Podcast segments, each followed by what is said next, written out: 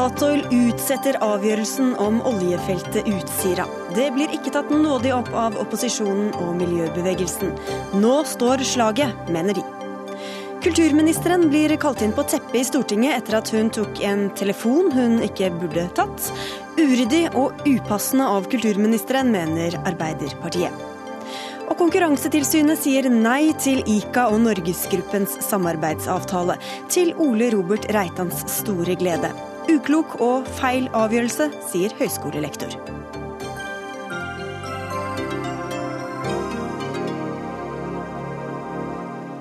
Velkommen til Dagsnytt 18 på NRK P2 og NRK2. Jeg heter Sigrid Solund. Og aller først i sendinga skal vi til Oslo sentrum og Norges Bank, der sentralbanksjef Øystein Olsen er i ferd med å gå opp på talerstolen for å holde årstalen sin.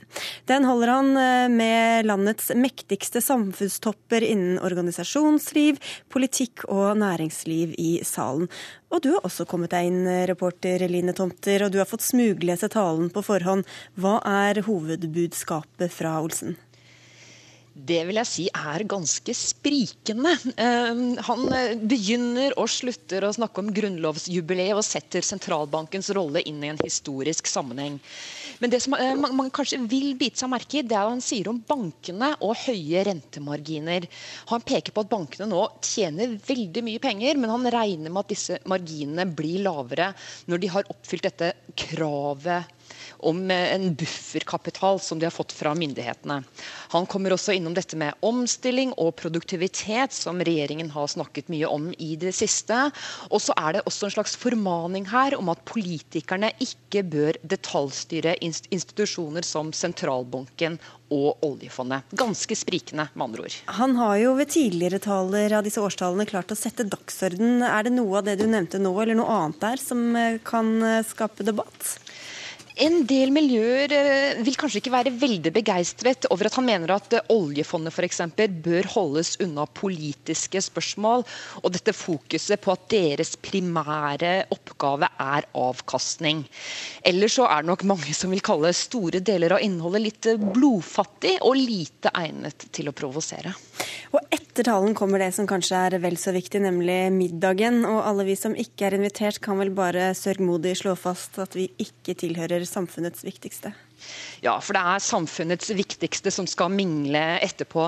De gjestene som kommer dit, er kanskje ikke så veldig opptatt av eh, talens innhold. Det er minst like viktig å se og bli sett.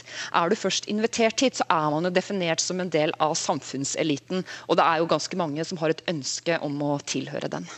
Og Mot slutten av sendinga skal vi høre fra to som har fått denne gjeve invitasjonen, men eh, som før festmiddagen skal fortelle Dagsnytt 18 hva de synes om talen og hva den kan få å si. Dagsnytt 18 alle hverdager klokka 18.00 på NRK P2 og NRK2. Som halvveis annonsert i Dagsnytt 18 i går, i morges kom beskjeden fra Statoil som mange har ventet på. Da la oljeselskapet fram planene om hvordan det vil gi strøm til det nye store feltet for gass og oljeproduksjon på Utsirahøyden, 14 mil vest for Stavanger. Og Spørsmålet var om det ville belage seg på gassturbiner som slipper ut klimagassen CO2, eller forsyne feltet med strøm fra land, noe som er dyrere, men mer klimavennlig. Vi fikk ikke svar for andre felt enn det største, Johan Sverdrup, og det skal få elektrisitet fra land. For de tre andre mindre feltene er avgjørelsen utsatt. Så Øyvind Reinertsen, du er direktør for Johan Sverdrup-feltet. Hvorfor kom dere ikke med en helhetlig løsning nå? Vi, vi, vi, I Johan Sverdrup, så, som er et eh, stort felt, står for ca. 80% av utslippene i, i området. Og vi har tatt da forretningsmessige hensyn med, i forhold til de rammevilkårene som til enhver tid gjelder. Og vi mener at vi gjennom det vedtaket vi nå har kommet med, har en balansert mellom forretningsmessig og det samfunnsmessige ved at vi fjerner ca. 60-70% av den CO2-en som er planlagt sluppet ut, eller kunne ha blitt sluppet ut, i dette området gjennom feltenes levetid. Det var vel ikke det helt jeg spurte om. Hvorfor kom dere bare med dette nå, og ikke for hele feltet? Fordi at dette her er hele feltet. Johan Sverdrup er et stort felt som skal bygges ut i forskjellige faser. Det vi har kommet med nå, er, er en løsning for Johan Sverdrup fase 1. Statoil er ikke operatør for de andre feltene. Det er andre eierskap som sitter i de andre feltene. Så hvem er, det, så hvem er det som skal bestemme for de andre feltene, da? De enkelte eierne i de enkelte feltene må beslutte hva som er. Og når vi nå hadde en områdeløsning, som det har vært kan du si, jobbet med over lengre tid, så bestemte da, eller har Johan Sverdrup tatt en beslutning om at vi ønsker nå å gå med løsning fra land i første fase. Den utelukker ikke at vi kan komme med en områdeløsning og tilby en områdeløsning når vi kommer med fase to. Hva er deres rolle da for de andre feltene? Ja, da vil vi gjennom fase to kan vi, kan vi, hvis det er det som blir den beslutningen vi da fatter, tilby strøm til de andre feltene i området. Men det er opp til de andre operatørene? Nei, det, det, vil være opp til Statoil eller eierne i Johan Sverdrup. Og så har de andre feltene en forpliktelse i sine pudder, eller plan for utbygging og drift, sine godkjennelser, at det dersom det kommer en områdeløsning, så skal de knytte seg til en slik en. Og en områdeløsning, det er altså det stortingsflertallet vil, at alt skal elektrifiseres, altså få strøm fra land. Hvorfor ikke innrette seg etter det først som sist? Fordi at Johan Sverdrup er et kjempestort felt. Det er 180 kvadratkilometer. Vi har i dag det er som å ha en stor tomt. Vi har i dag besluttet, besluttet hvorledes vi skal bygge det første huset. Vi kommer til å bygge både ett og to og tre hus til, og vi vet ikke hvor mye strøm de husene vil komme til å trenge. Og, og, da, og, det er jo også avhengig av pris, og, og, det ene avhenger av det andre. Eh, og Der er det mange som er skeptiske til deres tall, altså hvor mye dette kommer til å koste. Vil dere offentliggjøre de tallene og regnskapene som dere kommer med? Alle tall som vi har benyttet i forbindelse med de evalueringene vi har gjort i forkant av den beslutningen vi fattet i går, er oversendt til Oljedirektoratet på vanlig måte som en del av den dokumentasjonen som vi sender ut til alle partnerne. Så dere har ikke noe imot om de gjør det offentlig? Det må jo være opp til de, men dette er, er, er data som vi har sendt til alle. Hva tror du er sannsynligheten for at dere om et år eh, lander ned på at alt skal være elektrifisert? Det vil jo være avhengig av både rammevilkårene, og det vil også være avhengig av den behandlingen som denne forslaget som vi da kommer til å sende inn i begynnelsen av 2015, den behandlingen den får i Stortinget. Rammevilkår, hva tenker du på da? Rammevilkår, det f.eks.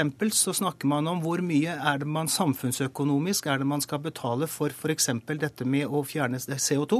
Og i dag så snakker man jo om at det er CO2-avgift og kvoteavgift som i dag er ca. 450 kroner per tonn. Og det er klart at den løsningen vi har presentert for Johan Sverdrup i dag, det koster oss mer enn den summen å fjerne hvert tonn med CO2. Så prisen på CO2 f.eks. vil være avgjørende for, for den løsningen? Kvotepris på CO2 vil jo være avgjørende for de rammevilkårene som vi da beveger oss innenfor. Du hadde ikke lyst til å debattere med noen andre, så nå skal vi slippe inn eh, politikerne og si takk for at du kom, eh, Øyvind Reinertsen eh, fra Statoil. For i gårsdagens sending, Tord Lien, olje- og energiminister, så ba vi deg holde av ettermiddagen. og Velkommen tilbake skal du være. Takk for det. takk for det. I går ville du ikke si så mye fordi du ikke visste Statoils eh, planer, i hvert fall ikke offentlig. Nå har du sett dem. Hva står der som du ikke allerede kjente til? Nei, men La, la meg begynne med å si at uh, dette er en, eh, en, gledens dag på mange måter. Dette er en av de største utbyggingen, industriutbyggingene i moderne norsk historie. Det skal investeres over 100 milliarder, som vil skape arbeidsplasser langs hele norskekysten. Samtidig så gjør man dette eh, med full elektrifisering fra dag én. Utslippene eh, blir null. Uh, og Det vil redusere utslippene som ellers ville ha kommet fra Utsirahøyden, med ca. to tredjedeler. Men så til det jeg spurte om. Hva, hva, hva fikk du vite i dag som du ikke allerede visste? Jeg fikk, jo, vite hva beslutninga i lisensen, de de fem selskapene, og operatøren Statoil har beslutta om, om utstyr. Men, men, eh, hva syns du om at for tre av fire felt så blir dette skjøvet på? altså da har vi ikke fått Nei, Jeg er veldig glad for at uh, det, den store uh, plattformen Johan Sverdrup nå blir elektrifisert fra dag én. Uh, det tar ut to tredjedeler av utslippene på Utsirahøyden. Så er det sånn at både regjeringa vil jobbe videre med Regjeringa vil jobbe videre med å legge til rette for elektrifisering også av resten av Utsirahøyda. Det forutsetter vi også at selskapene som er til stede på Utsirahøyda vil gjøre, og det er et arbeid vi vil følge eh, veldig tett. Så planen er full elektrifisering? Vi vil fortsette å jobbe eh, med, på det sporet. Og selvfølgelig er det sånn at, eh, at i dette arbeidet så må også tiltakskostnadene ivaretas. Det har også Stortinget eh, lagt til grunn når man behandler eh, klimameldinga. Ja, og På Stortinget der sitter du, Terje Aasland, for, eh, for Arbeiderpartiet. og Hva synes du om de planene som ble lagt fram i dag? Nei, Jeg syns de planene er altfor svake i forhold til den ambisjonen som faktisk Stortinget har om å få til en områdeelektrifisering av Utsirahøyda. I tillegg til det så er det jo sånn at hvis ikke en er mer eh, framoverlent enn det olje- og energiministeren nå er, så står vi i fare for å ikke nå målsettingen i klimaforliket. Og det er en forpliktende eh, vedtak i Stortinget, så det er veldig viktig å nå eh, spille ballen til olje- og energiministeren og ikke eh, bare si at det er en gledens dag, men det er en veldig krevende dag. For vi har ikke fått en løsning for Utsira-området som gjør at en kan elektrifisere det. Hva er det du hadde sett for deg, eller hva hadde du ønsket at sto lå i planene? Nei, Det som er de det ideelle, det er jo egentlig at innfridd allerede nå eh, de eh, føringene som ligger fra Stortinget om at en ønsker å eh, elektrifisere Utsira-området. Så vi er veldig opptatt av nå at den videre prosessen blir innretta sånn, med et betydelig trykk fra olje- og energiministeren om at Statoil må levere en eh, løsning eh, som indikerer områdeløsning for Utsirahøyda uh, i forbindelse med, med den uh, saken som skal det er det som Stortinget om et skal år. til. det, det er Det forslaget som eh, er blitt kjent i dag, er altså en stor oljeutbygging på norsk sokkel uten utslipp, som også tar ut to tredjedeler av utslippene som ellers ville ha kommet på sokkelen. Og Når det gjelder resten av de, de tre mindre plattformene på Utsira, så er ingenting avgjort. Myndighetene vil fortsette å jobbe med det, sammen, og det vil også selskapene gjøre. Eh, og så, Terje, har jeg, altså, du har jo tidligere eh, vært en del av det stortingsflertallet som inngikk klimaforliket. Der la man også vekt på at, eh, at kostnader må, må bety noe. Eh, og det regner jeg med dere fortsatt eh, i Arbeiderpartiet står inne for. Men i det klimaforliket så forpliktet vi oss til å få ned de nasjonale utslippene. Og det er ganske bærende i klimaforliket. For det er, det, det er jo det å få ned klimagassutslippene som er det, det mest krevende i klimaforliket. Og da må man ta altså høyde for at regjeringa følger opp det som er Stortingets nå uttrykte veldig tydelige vilje om at en må få til en løsning for områdeelektrifisering på Utsira. Og så langt så er jo eh, olje- og energiministeren kun passiv til det viktige Vi spørsmålet. skal komme tilbake til det du var inne med, Tord Lien. Vi skal slippe til Fredrik Hauge, også Bellona-leder. Hva frykter du eller tror du kan skje i løpet av det neste året nå? Nei, for det første nå, eh, Når det gjelder dette med kostnadene, så har jeg lyst til å si at nå håper jeg at vi får en helt annen åpenhet rundt dette. Vi mener at det er all grunn til å uh, tro at ut fra den informasjonen vi har, så er det mange ting som myndighetene må gå inn og se på her. Det går på hva for forentningskrav forventningskrav man har, det går på hvordan man avskriver ting osv. Det alternativet som ikke er utredet, eh, og som ikke skal utredes ut fra det vi forstår i Statoil, det er jo om vi kunne bygd en 200 megawatts kabel til Sverdrup fase 1 og fullelektrifisert Utsira uten å måtte vente til 2022. Og det forekommer meg veldig merkelig at ikke det er utredet ut fra den informasjonen vi har.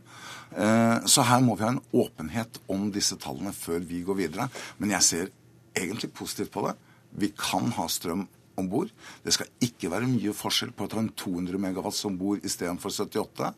Eh, Og sånn sett, dette er teknisk mulig, og kostnadene er ikke så store som mange har sagt. Vi prøver å holde på et sånn teknisk nivå at folk klarer å følge med også. Men Torlien, bare til dette med åpenhet. da. Eh, Statoil sier at nå ligger det i direktoratet. Hva, vil dere offentliggjøre disse tallene? Enten for alle eller for Stortinget? La meg først slå klart fast eh, til Terje Lien Aasland at eh, klimaforliket det står fast. Det jobber eh, jeg med eh, hver dag, og det jobber uh, regjeringa med hver dag. Så har vi sagt eh, at uh, Oljedirektoratet vil nå gå gjennom de konseptutredningene som ligger til grunn for de konseptvalgene som, som er gjort i dag.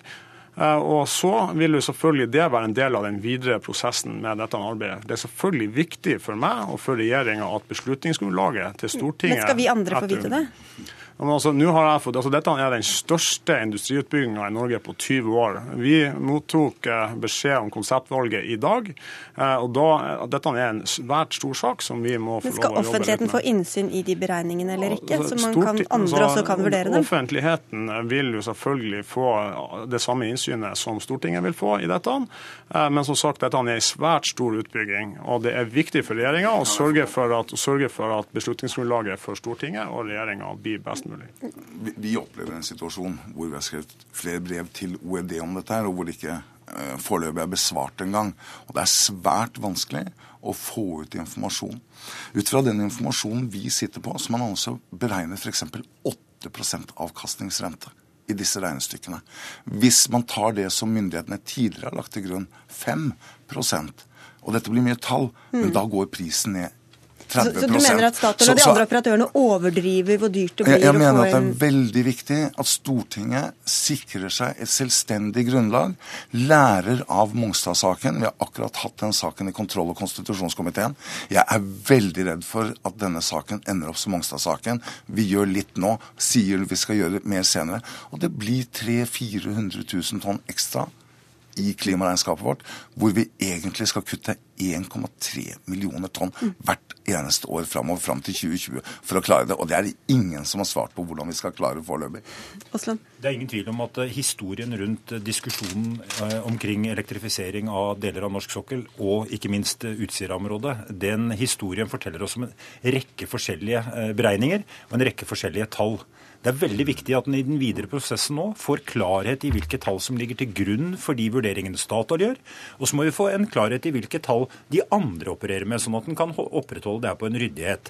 Så det må være olje- og energiministerens interesse å opptre eh, åpent og i dialog med eh, Stortinget på en sånn måte at Stortinget får et trygt grunnlag til slutt å fatte beslutning på. Og det er Torlin, Men til, til det han også var inne på i stad. Altså Arbeiderpartiet har generelt tidligere i hvert fall vært veldig opptatt av kostnadseffektivitet aktivitet når det gjelder eh, kutt i eh, klimagassutslipp, og ikke å kutte der hvor man får mest igjen for pengene. Hvor går smertegrensa for Arbeiderpartiet i denne saken? Ja, det er helt ulogisk å definere det eh, på det, tidspunktet vi er nå. Fordi at det som er situasjonen, det er at det foreligger en rekke tall.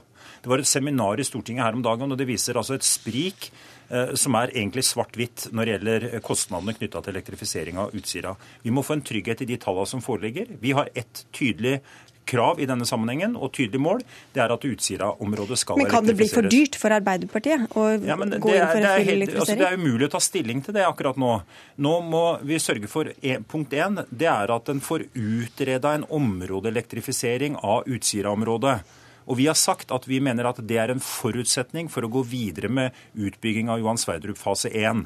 Så får jo da statsråden velge om man vil følge det sporet, lytte til Stortingets flertall, eller om man skal lytte til Statoil. Det er valget som olje- og energiministeren har, og den posisjonen burde han innta på en sånn måte at han følger opp det som er nå Stortingets signaler. Torlien. Nei, altså, Som jeg sa i stad, regjeringa er selvfølgelig opptatt av at eh, når denne beslutninga skal fattes i Stortinget etter jul en gang, så må det skje på et, eh, et best mulig grunnlag. Eh, og, og, og at Stortinget, Stortinget har, har, den informasjonen som skal til. Men så har jeg jo lyst til å være, være veldig tydelig igjen på at det er ikke sånn at at uh, områdeløsning i dag er lagt på is. Uh, det er sånn at man har sagt at fase, fase, fase 1 av Sverdrup bygges nå ut med kraft fra land.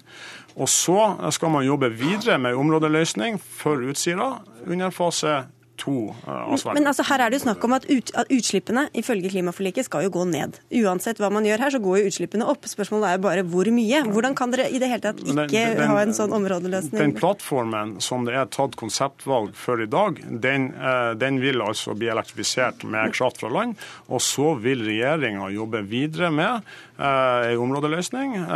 Så, altså Selskapene vil jobbe videre med områdeløsning, og regjeringa vil følge opp det arbeidet tett. Vi må høre med Fredrik Hauge her òg. Fordi Statoil tar en stor risiko når de nå bare går videre og designer Sverdrup 1 uten å tilrettelegge for at en fullelektrifisering av Utsira går gjennom den plattformen. De risikerer altså at dette først blir klart om et år. Og hvis Stortinget holder på flertallet, så får vi se hvordan det går når oljeindustrien bare forut, altså tar det for gitt at de får det som de vil. Men Stoler du på Arbeiderpartiet i denne saken? da? Jeg opplever Arbeiderpartiet til å ha vært konstruktive når det gjelder elektrifisering. Og dette handler om at hvis vi skal nå klimaforliket, så må vi se hvor vi skal ta klimakuttene. Hvis vi ikke tar det i oljeindustrien, så må vi ta det i fastlandsindustrien, som er mye mer konkurranseutsatt, og som er en del av den industrien vi skal leve av etter oljealderen. Eh, vi må legge ned mange landbruk. Vi må fortsette elbilsubsidiene inn i evigheten for å kunne ta disse utslippene. Så dette er og Derfor så mener jeg at når vi ser på det myndighetene har gjort tidligere, dette er noen av de billigere tiltakene, men her er det mye tallmateriale som blir jukset med akkurat nå.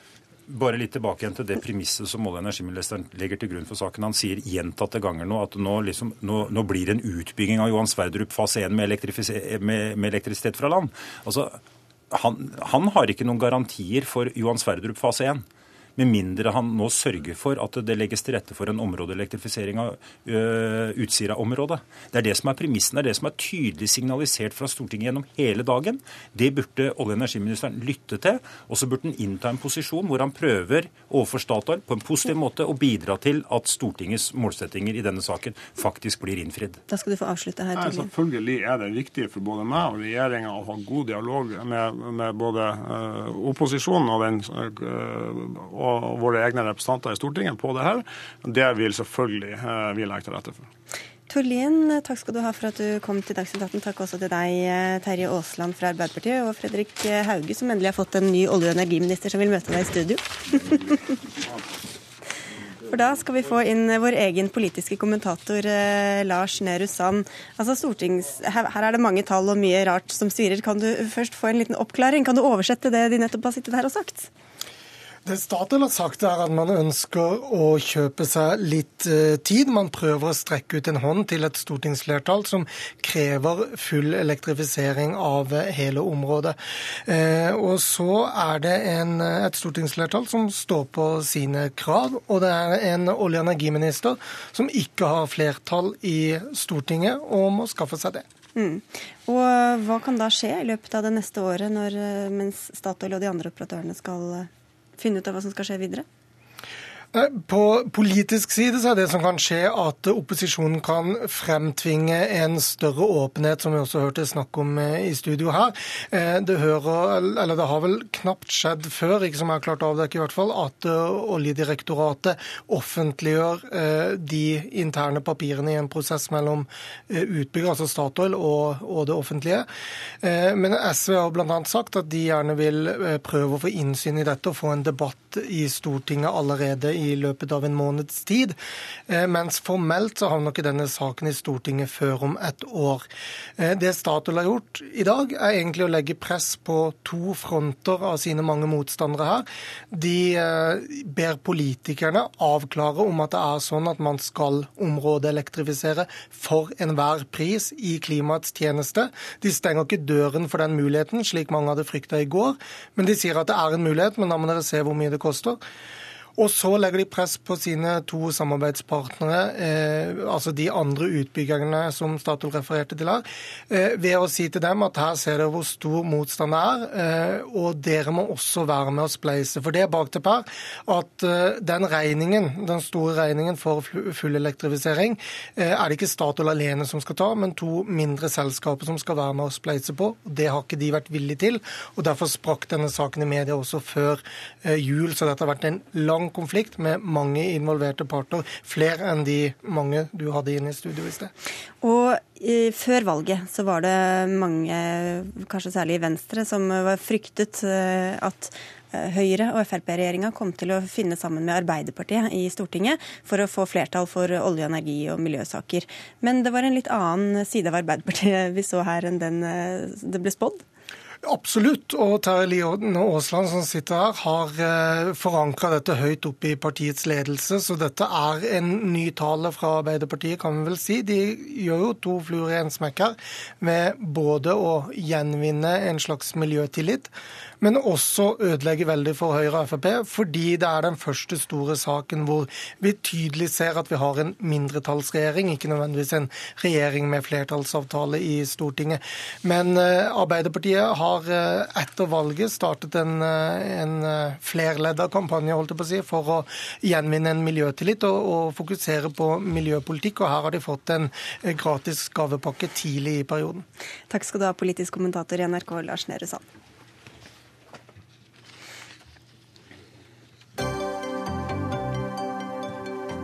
Hør Dagsnytt 18 Hei. når du vil. Radio NRK Radio.nrk.no.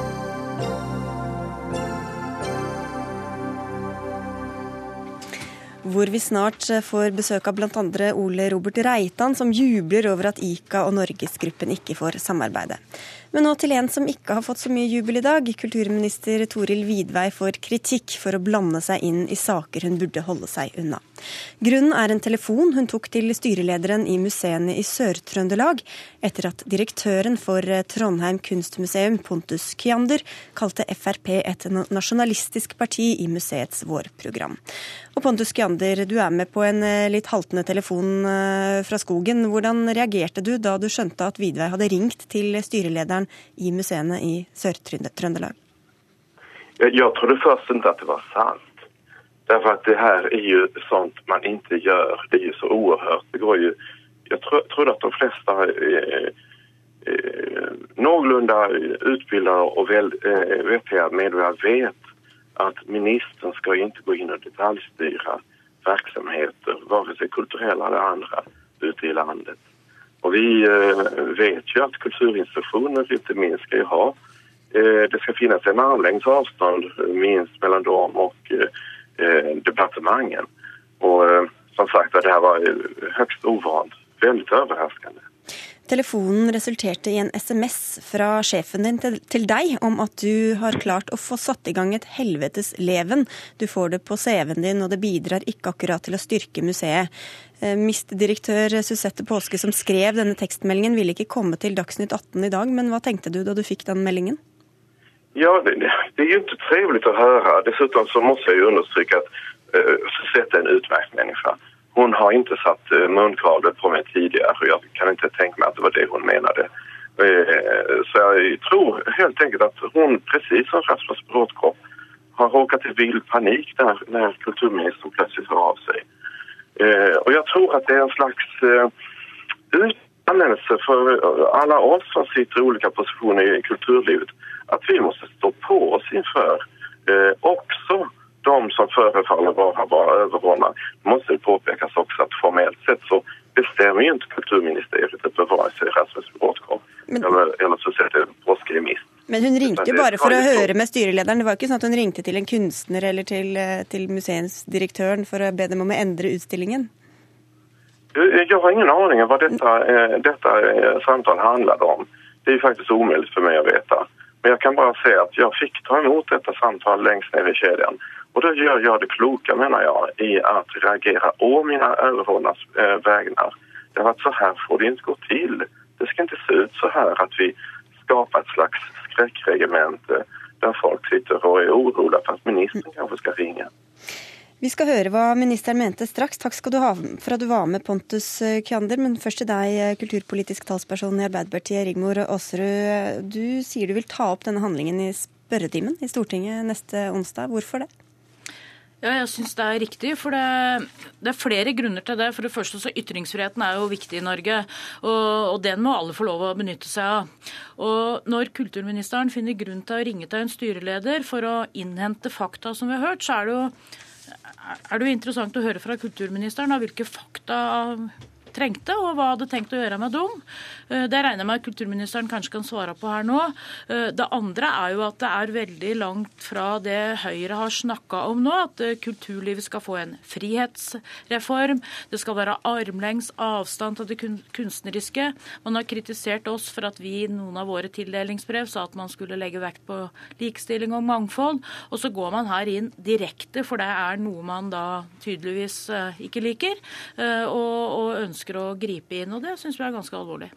Kan, det var jo flere ting her, eh, kulturminister Toril Vidvei. Du angrer kanskje litt på den telefonen nå? Ja, det som, eh, Dette var ikke noe veldig eh, spesielt for meg. for det, Jeg var på vei hjem fra OL, satt i bilen fra Gardermoen og hjemover og fikk denne meldingen eh, om, eh, eller en mail om eh, at det var en potensiell mediesak som kunne komme. En mail fra din politiske rådgiver, ja. som hadde snakket med en politisk rådgiver i Frp? Riktig. Som hadde fått da informasjon om at Adresseavisa da hadde informert at de holdt på med en sak eh, som dette. Og da var jeg interessert i å skaffe fakta. Jeg visste at det var da, samtidig som jeg fikk den informasjonen, så gikk det også informasjon til departementet. Og jeg er en utålmodig sjel, så jeg tenkte at hvordan kan jeg klare å skaffe meg informasjon om hva egentlig denne saken dreier seg om, for jeg hadde veldig lite informasjon. Så jeg var interessert i å vite hvor var det publisert, hva var det egentlig det dreide seg om. og jeg googla og fant ut hvem som var styreleder, og jeg da ringte til vedkommende for å, å få tak i eh, den informasjonen. Og Da eh, hører det med til historien at de ringte, sendte da melding til Julie Brodtkorp, for fordi jeg visste om det var broren hennes. Statssekretær ved statsministerens kontor. Riktig. Og så fikk telefonnummeret av henne. Og så mm. ringte jeg for å høre hva egentlig dette var om. Og hva var, var det du spurte aldri... om da? Ja, jeg spurte om eh, vedkommende kjente til denne saken, og jeg var interessert i å finne ut hva fakta og hvor det hadde stått henne, og hva som var der. Og det som er viktig for meg å understreke, jeg har altså ikke ringt til direktøren for dette museet. Jeg har absolutt forholdt meg på det overordnede nivå. Jeg har prøvd å skaffe fakta omkring eh, dette, denne saken. Det er aldri vært min intensjon å blande meg inn i de kunstneriske uttrykkene og, og liksom legge noe lokk på ytringsfriheten. Men når du, når du ser den, den SMS-en som da ble resultatet av dette, hvilke, hva, hva, tror du du satte i gang da ved denne telefonen? Jeg kan ikke ta ansvar for altså den måten ting blir formidla på, og den informasjonen som måtte ha gått mellom de ulike partene der oppe. Det kan jeg ikke ta ansvar for. Jeg vet hva jeg har uh, undersøkt uh, og bedt om informasjon, og det er det som på en måte jeg forholder meg til. Hva burde hun ha gjort, Rigmor Aasrud, hvis hun lurte på hva som skjedde med denne saken? Hun har et stort embetsverk eh, som kunne ha skaffa de faktaopplysningene som Vidvei trenger. men jeg regner med at Vidvei da visste hva saken dreide seg om. da tok den telefonen, og da har jeg lyst til å spørre hva hadde hun tenkt å gjøre med de faktaopplysningene han fikk? Jeg var interessert i å få vite hva det egentlig dreide seg om. Det er jo ikke sånn at eh, departementet satt klar veldig sent på kvelden der, men vi formidla det videre også til de, og de tok den saken videre. Jeg fikk Så du var litt sånn researcher for ditt eget departement? Ja, så jeg er utålmodig. Jeg vil gjerne få vite for dette, for jeg regnet jo med at siden det gjelder eh, en sak som eh, gjelder mine regjeringskollegaer, så kunne det i hvert fall være at jeg fikk forespørsler fra mine kollegaer, men også fra pressen i forhold til dette. og Derfor så var jeg interessert i å finne informasjon. Den viktige saken her, det er jo har jeg på en måte instruert de om noe som helst. Det har jeg ikke. Men, nei, du har ikke instruert, men du har jo da åpenbart gitt eh, altså, De har jo mottatt et eller annet signal da, som har ført til denne reaksjonen fra dem. Hva tenker du om det? Altså, jeg registrerer at dette er utrolig følsomt. Jeg registrerer det at det skal veldig lite til for at en sak utvikler seg med, med altså, som jeg opplever i dag, at det har jo liksom vært utrolig mye fokus på det. Men jeg understreker veldig sterkt at det har absolutt ikke vært eh, hensikten. Men skjønner du at de reaksjonene kommer? Jeg forstår godt at det er mange reaksjoner som kan komme når at man sitter og får sånne type SMS-er som det blir formidla. Samtidig så er det veldig viktig for meg å understreke at det er ikke jeg som har årsaken til det. Skjønner du at folk reagerer på at du tok den telefonen til styrelederen? Ja, men så kan du si på en annen side, altså jeg tror det var veldig viktig for meg å understreke at det var ikke til direktøren jeg ringte. Jeg ringte altså til styrelederen. Det er på et politisk nivå. Og det tror jeg er veldig viktig. Det er på det overordnede nivået. Det er ikke sånn at man ikke kan ha kontakt med eh, de ulike styrelederne i de eh, ulike institusjonene man egentlig tilhører. og Det, det tror jeg er veldig viktig også å understreke. Jeg, jeg syns det er oppsiktsvekkende at Vidve sier at hun ikke er årsaken til at denne saken har kommet sånn som den er. For det er hun som har tatt en telefon. Det burde en person som Vidvei, som har vært statsråd før, har god erfaring fra styret, vite at når en statsråd ringer til en styreleder, som ikke er en underordna institusjon, en helt frittstående institusjon, som er helt avhengig av de bevilgningene som kommer fra departementet, så vil det medføre eh, at man blir ganske usikker. Og det har det jo tydeligvis gjort, for de maila og de, eller den SMS-en som har gått, tyder jo på at man har tatt dette her på stort alvor og blitt veldig usikker i, i, hva kulturministeren legger i den henvendelsen. Så det er ganske uryddig at man gjør det her. Og jeg oppfatter jo at de som jobba i museet, oppfatter det som ubehagelig, og at, det, at man ikke er fornøyd med den måten man da presenterer saker på. Men skal ikke hun kunne ha noe kontakt med en sånn styreleder i det hele tatt? Det er fullt mulig for en eh, statsråd å ha kontakt med styreledere i museer, men da må det være innenfor de rammene som er. At man har varsla besøk, hva man ønsker å ta opp. Så du kan ikke bare ta en spontan telefon og lure på noe til det, en styreleder? Det vil bli oppfatta eh, i et sånt system som det er ganske sterke styringssignaler fra en statsråd, og det tror jeg Vidve er veldig godt kjent med, at det vil bli oppfatta på den måten. Og det har det jo tydeligvis blitt gjort i denne saken her. Og Da tror jeg det er veldig viktig å understreke at det er én ting å ta en telefon for å innhente informasjon for å få fakta på bordet. Noe helt annet er å ta eh, telefoner eh, for å gi instrukser, sende SMS-er for å påvirke de beslutningene som et eventuelt styre måtte ta. Men spørsmålet er om, du, om hvordan det blir oppfattet, eh, og hvilke signaler jo, det sender. Jeg har ikke fått noe tilbakemeldinger på at det er styrelederen som jeg snakker med, har oppfatta dette på noen annen måte enn det som jeg har gitt uttrykk for. Men til det som Rigmor Aasrud var inne på i stad. Altså dere sier dere vil sette kulturen fri, bryte bånd mellom Absolutt. politikk og kultur. Ja. Hvordan stemmer dette overens jo, med denne kontakten? Det kommer vi til å gjøre. Vi, vi, har et utrolig sterkt ønske om at kulturen skal være friere. Og det er faktisk òg et eh, Vi ønsker jo ikke å detaljstyre kulturlivet slik som den forrige regjeringen gjorde. Vi er klar over det at eh, slik Arbeiderpartiet så ønsket de jo å, å styre det kunstneriske feltet på et mye sterkere måte for å oppnå andre typer resultater, som f.eks. likestilling og osv. osv. Ja. Det har vi ikke et behov for å gjøre. Hva var det, jeg har lyst til å gjenta spørsmålet mitt, hva var det Vidve trengte faktaopplysninger om, og hva hadde man tenkt å gjøre med de faktaopplysningene? Hadde vel en anelse om hva saken dreide seg om når du tok telefonen? Det var ikke sånn at jeg har hørt at det er et eller annet som skjer på Sør-Trøndelag museum, eh, og så ringer du for å sjekke opp det. Du visste at det var noe handlet om Frp, og hva var det du da ville vite, og hva ville du gjøre med den informasjonen? Nei, altså, jeg, satt, jeg, satt, jo med en uh, informasjon om at dette var en potensiell mediasak i, i Adresseavisa. At eh, denne uttalelsen ville kommet. Jeg var bare interessert i å få vite hvor er det vedkommende har uttalt seg henne. Hva, hva, er det som egentlig ligger bak denne saken? Hvilken sammenheng er det i? Det var den type fakta jeg var interessert i. Og, og den informasjonen skulle du bruke til For å kunne informere bl.a. kollegaer om, og berolige. Hva var egentlig at jeg satt inne med den type informasjon? Så du var en slags mellommann mellom den bekymrede politiske rådgiveren i Frp og styrelederen eh, i museet? Ja, Nå hadde jeg fått en henvendelse ikke sant, som, som, jeg følte at det var behov for å skaffe meg mer informasjon om. For ikke å sitte der og si at dette kjenner jeg absolutt ikke til og har ingen informasjon om. Det var grunnlaget for det. Det er ikke noe mer enn det. Dette her tyder på at det er veldig langt mellom liv og lære i Høyre. Nå har man prediket mer frihet, armlengdes avstand til kulturinstitusjoner gjennom hele valgkampen. Uh, Vidve hadde en kronikk senest i november der han sier at kultur med færre føringer. Og så er man altså inne i det kunstneriske i enkeltinstitusjoner. Det er uh, oppsiktsvekkende.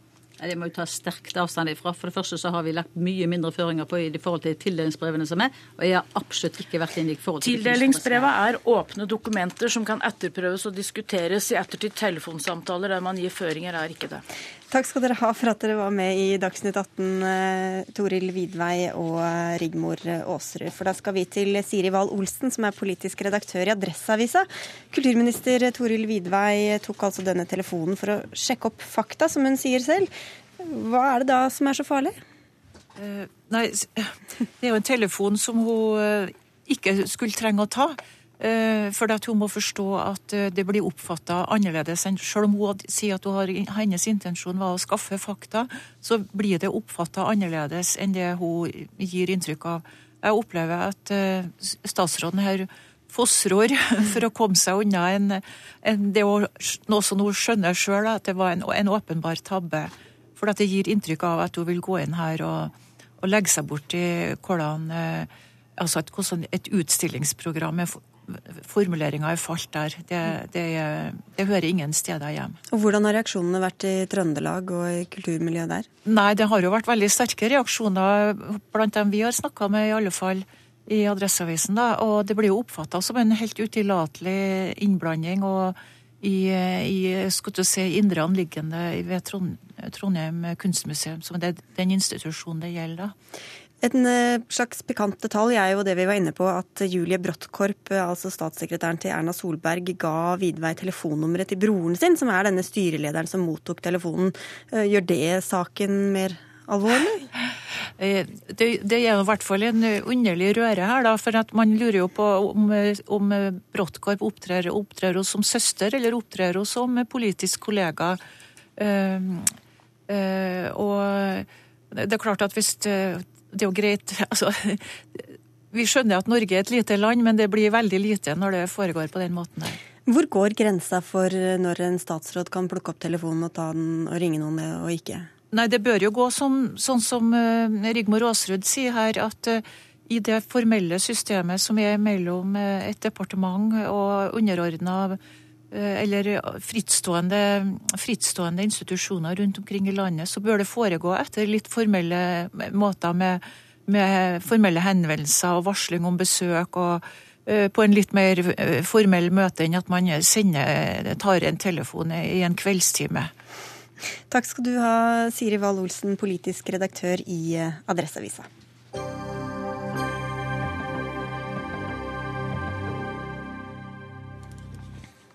Konkurransetilsynet mener den planlagte samarbeidsavtalen mellom ICA og Norgesgruppen, som eier bl.a. Kiwi, Meny og Ultra, er i strid med konkurranseloven.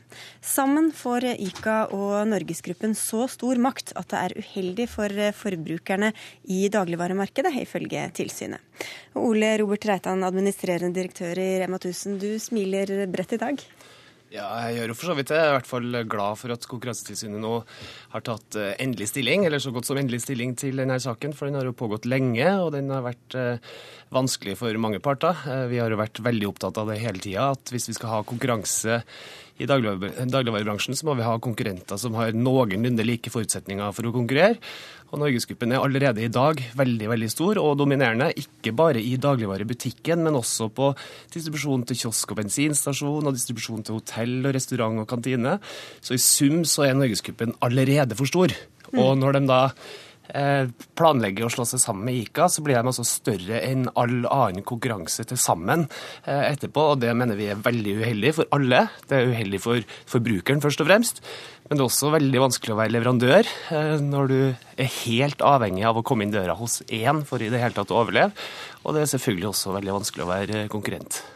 Vi har jo eh, selvfølgelig også invitert ICA Norgesgruppen, men de ville ikke komme til Dagsnytt 18. Men Odd Giselt, du er eh, fagsjef for varehandel ved Handelshøyskolen BH. Hva syns du om dagens avgjørelse? Jeg er veldig lei meg. Jeg syns ikke denne avgjørelsen er riktig. Nå er det jo bare da et eh, varsel som er gått ut. De kan anke? De kan anke, og partene skal kunne uttale seg. Jeg er jo for et sterkt ICA. Men skulle det bli som det nå kan se ut, så vil vi jo få et veldig svakt og lite ICA i Norge. Og dermed blir det mindre konkurranse. Men hva var denne avtalen gikk ut på, som de ønsket å inngå?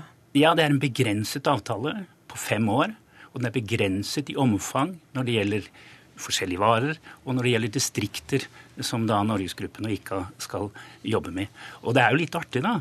For to år siden så inngikk Ole Robert Leitan en avtale med bunnpris som gikk vekk fra Norgesgruppen og over til Reitan.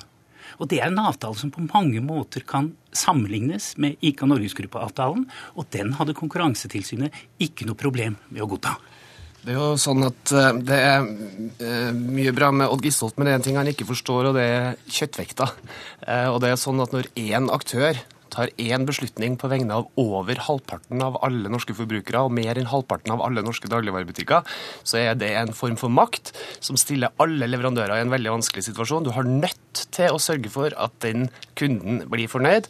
Hvis ikke så er du ferdig Dere er vel ikke lettvektere heller, dere heller? Nei, men du må huske på at eh, det er mulig at det eh, ser sånn ut, men vi er fortsatt da halvparten så stor som Norgesgruppen. Og hvis ICA og Norgesgruppen hadde fått slått seg sammen, så hadde de da faktisk vært større enn kooperasjonen og og Rema til sammen.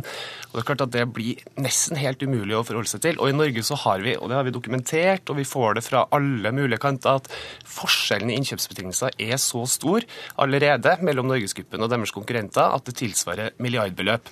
Og hvis det skal få lov å fortsette, så vil altså norske leverandører være tvunget til å sponse den største aktøren med så mye bedre betingelser at man til slutt sitter igjen med én kunde. Det er ingen kjent tjent med, og aller minst da forbrukerne er tjent med det. Ja, for forbrukerne, det er liksom ditt domene, Randi, Randi Flesland. Du er uh, direktør for Forbrukerrådet. Og hvem mener du er tjener på det at avtalen ikke blir noe av? Det er helt klart at det er forbrukeren som er vinneren i dag.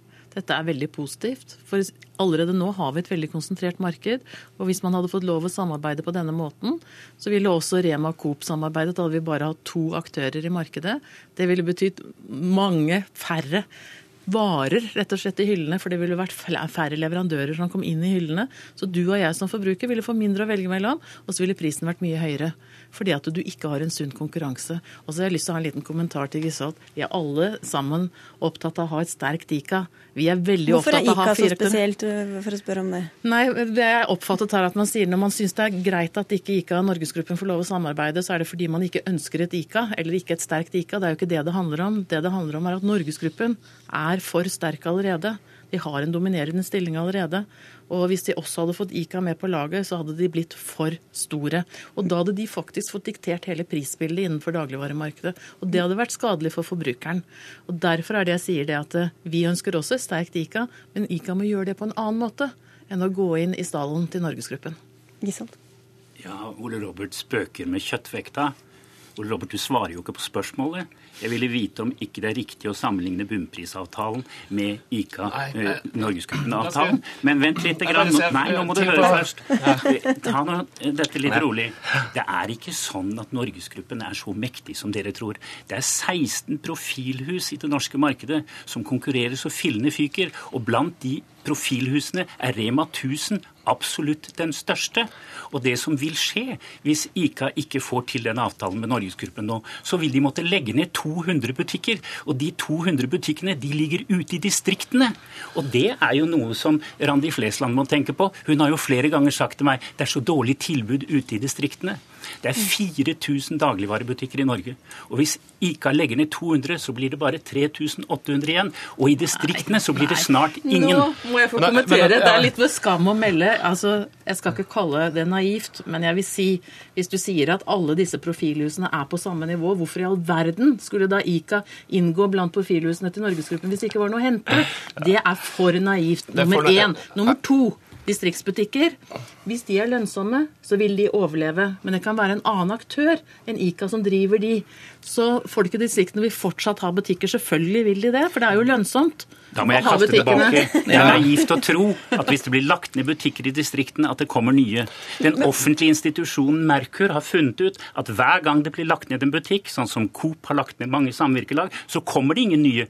Det betyr at de som bor i distriktene, må reise lenger for å kunne kjøpe maten sin, og det blir færre tilbud. Og det interessante er at mange steder så blir det Norgesgruppen som blir igjen når ICA forsvinner. Ja, jeg bare si uh, til, til Gisholt i forhold til forskjellen på en Rema bunnprisavtale og en ICA Norgesgruppen-avtale. Det er veldig enkel matematikk, eh, Odd. Det vet du. Det er altså uh, Rema pluss bunnpris er litt i overkant av 25% av markedet. En fjerdedel av det norske dagligvaremarkedet eh, Norgesgruppen sammen med ICA er over halvparten. Det er veldig veldig stor forskjell. Og I tillegg så vil det da tvinge kooperasjonen og Rema opp i et hjørne som gjør at vi blir nødt til å samarbeide i tillegg. Da har vi to aktører med ca. halvparten av markedet hver, med to innkjøpskontor, to innkjøpsdirektører som tar alle beslutninger på vegne av alle norske forbrukere. Det gjør også at det blir helt umulig for en ny aktør å komme inn i markedet. Og nå har vi, Før 2013 så har alle vi tre pluss mange andre vært med og debattert i årevis problemet med at det bare er fire aktører i det norske dagligvaremarkedet. Men jeg minnes et utvalg som sa at det var altfor mye konsentrert makt i Det var jo det de sa allerede. Det var altfor konsentrert makt allerede i 2012. Og vi satt i det studioet her og mange andre studio og debatterte problemet med det. Nå kan vi ende opp med to hvis Odd Gisholt får det som hun eh, vil. Da vil vi aldri få en ny aktør inn i det norske dagligvaremarkedet noen gang, for den inngangsbilletten blir altfor stor. Dette er propaganda, dette er propaganda at det bare blir to. Det er altså 16 profilhus Altså som har videre, altså? alle sammen. Mm. Ja. Og disse er til og med delt men nå må han få snakke. Han er helt alene her om dette synet, stakkar. Hun Ja, må få lov til å snakke ut. Ja, Det er jo i øyeblikket 2-1 til Flesland eh, Reitan, men det er bare halvgått løp. For det dere må være klar over, at dette her skal jo en gang inn for departementet. Det skal kanskje ende opp med rettssak, så dette er jo ikke avgjort i dag. Du får ikke betalt av Norgesgruppen? eh, Nei, på ingen måte. Jeg er fagmann, og jeg har fulgt denne bransjen i 30 år, mens Men- Ole Robert gikk i bleier. Ja, men du, Har begynt jeg jeg- bransjen. Det er mulig at jeg ikke ble når du begynte å følge bransjen, men jeg har tross alt vært daglig leder for en av de viktigste aktørene de siste tolv årene, og du har sittet på utsida, og det er i hvert fall helt tydelig at en del av de tingene som skjer når du sitter på utsida, at du ikke får med deg grunnleggende eh, eh, fakta Da- da i saken. For vi har, vi har, det er én innkjøpsavdeling i Norgesgruppen som forhandler alle betingelser for 40 Så av disse 16 allerede. husene, det er ikke reelt? Nei, det er bare tull. Det Det er, altså, det er, slik, for, det, er forskjellige, det er forskjellige skilt på taket på Joker og Kiwi og Meny og Ultra og Sentra, men det er én innkjøpsdirektør for Ok, dem alle men da må du forklare for oss forbrukere. Hvordan kan vi få det bedre, eller et, et større utvalg av at makten konsentreres enda mer? Ja, men Det er ikke så konsentrert makt eh, som Ole Robert vil ha det til. Det er propaganda. Det er så mange innkjøpssjefer at jeg vil si at det er flere hundre av dem hvis du tar hele landet. Og tro at det bare er to, at det bare blir to hvis altså kor kommer i gang. Det er for øvrig eh, det glade vanvidd at to som egentlig hater hverandre, eh, Coop og eh, Reitan, skulle gå til sengs. De har jo offentlig sagt at de hater hverandre, så det kan jo umulig bli noen god kombinasjon. Men, ja, men det er noe med at du er, lever i en litt annen verden enn resten av oss. Det er ganske tydelig. Det vi er utrolig opptatt av, er at vi får en sunn konkurranse innenfor dagligvaremarkedet. Og det er akkurat som du sier, vi har allerede en konsentrasjon som gjør at vi har dårligere mangfold og høyere priser enn land det er naturlig å sammenligne seg med. Så det å få flest mulig aktører på markedet er helt vesentlig. Vi ser gjerne nye aktører. Vi håper at ICA klarer å ta noen andre grep sånn at ICA overlever. For det er faktisk viktig for Men oss du forbrukere. tror ikke noe på at de legger ned alle butikkene i distriktene, da, som jeg forsto på deg i stad? Jeg håper inderlig at de ikke gjør det. Og i den grad, i den grad Ja ja, det er mye propaganda alle veier her. Men eh, for det, hvis de faktisk gjør det, så vil jeg tro at ganske mange av de vil dukke opp hos for andre. Men jeg håper jo at ICA selv klarer å bære seg videre. Og det er en ting som vi for så vidt ikke har vært innom her. men hvis ICA og Norgesgruppen hadde samarbeidet, så her nede på Østlandet så ville jo faktisk tre av fire butikker være Norgesgruppen eller ICA. Da ville mangfoldet vært vesentlig redusert. Det er ganske skremmende for oss forbrukere. ICA hadde jo flere muligheter. Det er helt tydelig at de har hatt store problemer, og jeg har full respekt for at de søker en utvei ut av sine problemer, for de taper millioner av kroner hver eneste dag. De hadde noen gode alternativer. De, de kunne prøve å rydde opp i eget hus og klare seg selv. Det burde ha vært mulig.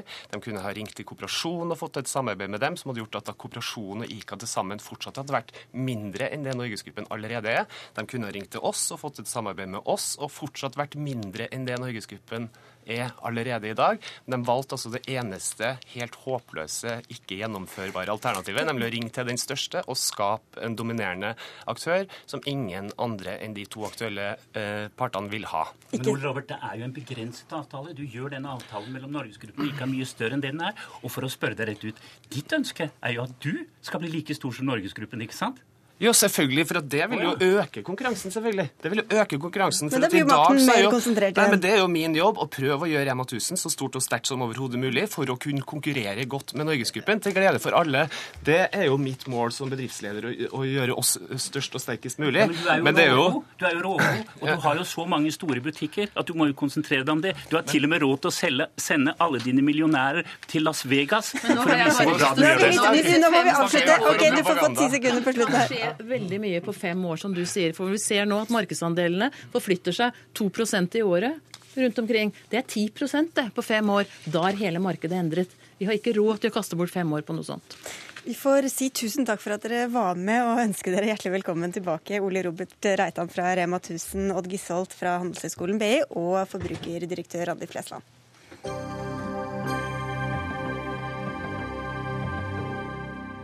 For i snart en time har sentralbanksjef Øystein Olsen holdt den årlige talen sin i Norges Bank, og den er nettopp over. To av gjestene har sneket seg ut for å være med her. Sjefredaktør Trygve Hegnar og politisk redaktør Sofie Mathiassen, vel møtt hit. Hegnar, da vi snakket sammen tidligere i dag, sa du at du ikke hadde så høye forventninger, og da blir du kanskje heller ikke så skuffet, men ble du gledelig overrasket? Nei, altså det var en litt kjedelig tale. Det var litt historikk og 200-årsjubileet og Eidsvoll og sånn. Eh, men jeg visste jo på forhånd eh, at han ville liksom gi noen advarsler om at eh, vi ikke er så rike som vi kanskje tror, og at nasjonalinntekten vil synke, og at det er ikke så lett å få solgt våre varer i utlandet. og Det såkalte bytteforholdet ville endre seg osv. Jeg visste at han ville advare mot det, og det gjorde han også. Eh, og det har han litt rett i, fordi at norsk økonomi går litt slappere. Verdensøkonomien er litt slapp. Og, så han ga oss en bitte liten advarsel om at det kan bli litt annerledes. Vi må være flinkere, vi må legge om og omstrukturere og gjøre mye rart. Og det, det sier jo sentralbanksjef hvert år. Altså Jeg har hørt det i 20 år. Men, og denne gangen var det en veldig svak advarsel. Så det, det viktigste budskap, budskapet han kom med, var faktisk det når det gjelder forvaltningen av oljeformuen. Altså da alle de pengene vi har på bok alle sammen. Han sa det at det skal vi forvalte, og det skal vi gjøre på vår måte. og Det skal vi bare se på avkastningen og risiko og alt det andre tullet som politikere og andre finner på. Det sa ikke de ordene, men han sa alt det at man skal bruke oljepengene våre og sparepengene våre og pensjonsfondet vårt til å gjøre så mye rart i samfunnet, det vil han ikke ha noe av. Sofie Mathiassen han mante altså til forsiktighet, og det er vel ingen vei utenom, som Trygve Hegnar var inne på. Men var det noen andre nyheter enn dette som Hegnar var inne på nå? Det var jo litt mer konkret på eh, endringen i oljefondets investeringer. Han foreslo at de skal investere mer, mindre i obligasjoner, eller en mindre andel i obligasjoner fremover. Og så sa han vel også litt at han kanskje var interessert i at oljefondet skulle investere mer i eiendom. Mm. Ja, det er veldig, Sofia sier det er veldig riktig. Og, og faktisk var det en liten overraskelse. for han han ga uttrykk for at man, i oljefondet i Norges Bank skulle ta mer risiko og tjene mer penger. Og legge, bruke mindre penger på sikre gode obligasjoner og mer penger på da, eiendomsinvesteringer og risikofylte aksjer. Og da, da, Hvis man får det til, så tjener man jo mer penger. Men, men det, det, viser en form for risikovilje som man ikke trodde en sentralbanksjef kanskje skulle ha. Ja, han har jo, Jeg vet ikke hvor lydhørt publikum, men i hvert fall et mektighet. Hvor mye tror du han har å si for, eh, for det politikerne og næringslivet gjør eh, i tida framover, Hegnar? Ja, altså, jeg syns det er sunt at uh, alle ledende politikere, statsråder og stortingsrepresentanter sitter på første og andre rad og hører på. Det er en god sånn, forelesning eller et seminar. Uh, jeg er ikke sikker på om det har så veldig mye å si. Altså, Politikerne de bestemmer egentlig som de vil, og de hører ikke så veldig mye på sentralbanksjefen. Men det er godt å få en slik gjennomgang. Men jeg, jeg tror ikke de etterpå går og tenker på åh, oh, det sa han. og jeg tror faktisk ikke at så veldig mange politikere tror det er lurt å øke liksom investeringene i risikofylte aksjer eller risikofylt eiendom i London. eller hva det måtte være. Jeg tror de er mer forsiktige. Jeg tror de fleste politikere egentlig vil ha mer obligasjoner og mer sikkerhet. Men han har jo klart å skape en del debatt også blant politikere Mathiasen, tidligere ved andre årsalder? Ja, når jeg satt og tenkte på det tidligere i dag, eh, hva han egentlig har sagt tidligere, og hva talen har betydd, så ble jeg egentlig veldig overrasket over hvor mye gjennomslag han har fått. I fjor snakket han jo veldig mye om produktivitet. Nå har eh, finansministeren nedsatt en produktivitetskommisjon. Året før så sa han at det var veldig viktig å ikke, at vi burde endre bruken av oljepenger til 3% Han ville endre handlingsregelen, og Stoltenberg avviste det momentant. Men i praksis så har 3 blitt den nye grensen som alle er enige om at det er det forsvarlige å bruke. Du sa, du sa Hegner, at alle de viktige var det, men statsminister Erna Solberg glimrer med sitt fravær. Og ja. møter seg sjøl i døra med det samme. Ja, Hun sa jo for noen år siden det synes det var litt uklokt sagt, at det var så dumt at Jens Stoltenberg heller var på sånn bilrace eller sånn VM i autocross. Uh, fordi man skulle være her. Uh, og det syns hun var dårlig, dårlig bruk av tid. Nå har hun med seg selv i døren og fått den ganske kraftig midt i nesa fordi hun da er i Sotsji og ser på OL istedenfor å være her. Men hun får selvfølgelig all den informasjonen hun trenger. Altså Jeg tipper at hun fikk med seg talen før hun dro, hvis hun ville ha det. Og alle hennes rådgivere forteller hun alt hva som blir sagt. Så det at de alltid må være her, det er jo litt sånn skuespill, da. Men uh, Mathiassen, eh, Norges Bank har fått kritikk for å holde gjestelista til middagen hemmelig. Vi prøvde å få en debatt om dette tidligere, men de ville ikke være med. Men eh, dere, kan vi røpe, står på gjestelista. Fortell litt om hvor løssluppent det pleier å bli på disse middagene. Nei, det er ikke De fleste oppfører seg veldig pent. og du er litt opptatt av bordplasseringen, Hegner. Hvordan er det Nei, jeg er ikke så veldig opptatt av det, men jeg syns det er morsomt å se at det, liksom, det er noen bord hvor de mektige og de mest prominente sitter. Og så hvis man er helt ny, så sitter man kanskje på bord 50 eller 60, og så rykker man oppover til bord 27 osv. Men, men, men, men apropos sånn løssluppenhet. Altså, jeg, det var jo en middag her for noen år siden hvor den personen som holdt da Takk for maten-talen, var såpass uh, såpass langt ut i måltidet at de fleste satt lammet og hørte på. Eh, eh, det ble ikke noen etterspill av det, men, men det har vært det, Sofia, det var en gang hvor vi satt der og ikke trodde, trodde det vi hørte. Nei, han, hadde, han, hadde, drukket godt. Alle lurer jo på hvem dette er. Jeg vet ikke Egnar, om du vil røpe det? Nei, det var dårlige sexvitser og kvinnediskriminering. men, men, ikke noe du skrev en eh, krass leder om dagen Nei, jeg tenkte Nei. at det kan skje alle, kanskje.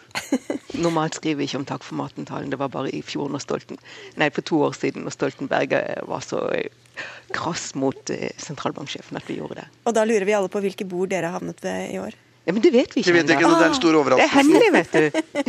men, men, men det, må, det, må, sies at det er jo veldig mange hyggelige mennesker der. Og det er jo en det er det. unik anledning til å treffe politikere, og ledende politikere, og også toppsjefer innen næringslivet. Så jeg syns at de to timene man går rundt og surrer der og på, på, på buffeen og henter hummer, det er en veldig bra tid. Dere får kose dere, Trygve Hegnar og Sofie Mathiassen, på vegne av alle oss NOx-akter som ikke blir eh, invitert. Vi må avslutte Dagsnytt 18 for i dag. Ansvarlig for sendingen var Dag Dørum. Teknisk ansvarlig Lars Tronsmoen, og jeg heter Sigrid Solund.